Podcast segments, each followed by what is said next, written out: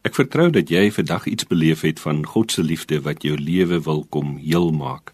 Ons gesels vanaand verder oor God se meesterplan met die wêreld en hoe ek en jy daarvan deel kan hê.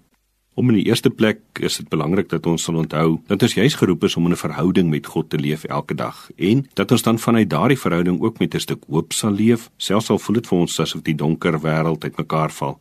Gister het ons nagedink oor wat dit beteken om met vergifnis te leef binne hierdie diversiteit wat God vir ons gegee het en natuurlik as deel van sy meesterplan. En volgende het ons 'n bietjie gesels oor hoe ons geïntegreerde lewens kan leef.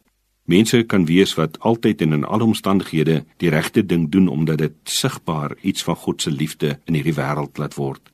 Maar jy sal sekerlik met my saamstem dat dit soms vir ons as gelowiges ook maar moeilik is om koers te hou om op weg te wees met hierdie meesterplan van God.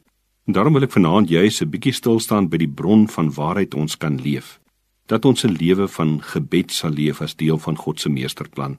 Wanneer Jesus in die bergpreek met die mense gesels oor gebed, dan leer hy ons met die Onse Vader wat dit beteken om 'n lewe te leef van gebed.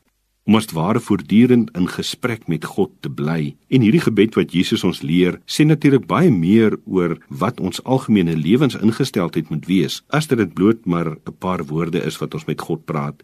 Die bekende Nuwe Testament teoloog N.T. Wright sê dat die Onse Vader is soos 'n huis waarin ek en jy as gelowiges kan tuiskom.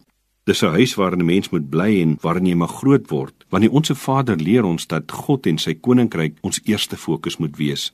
Ons Vader wat in die hemel is, laat U naam geheilig word, laat U koninkryk kom, laat U wil ook op die aarde geskied net soos in die hemel bid ons mos.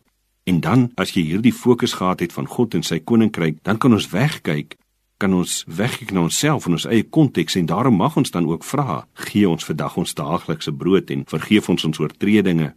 Laat ons nie in die versoeking kom nie, maar verlos ons van die bose. As ek en jy vanaand tot rus kom, mag dit ons gebed wees. Mag ons so ontdek dat dit nie maar net 'n gebed is nie, maar gebedshouding, 'n lewenswyse en dat ons alles waarmee ons besig is, alles wat ons oordink en doen, sal doen vanuit hierdie intieme verhouding met die lewende God. Kom ons bid dan eenvoudig net: Here, hoor ons bid. Here verhoor ons gebed. Here verheerlik U self. Amen. Vriende, mag jy vanaand tot die teenwoordigheid van die lewende God beleef tot ons môre weer gesels.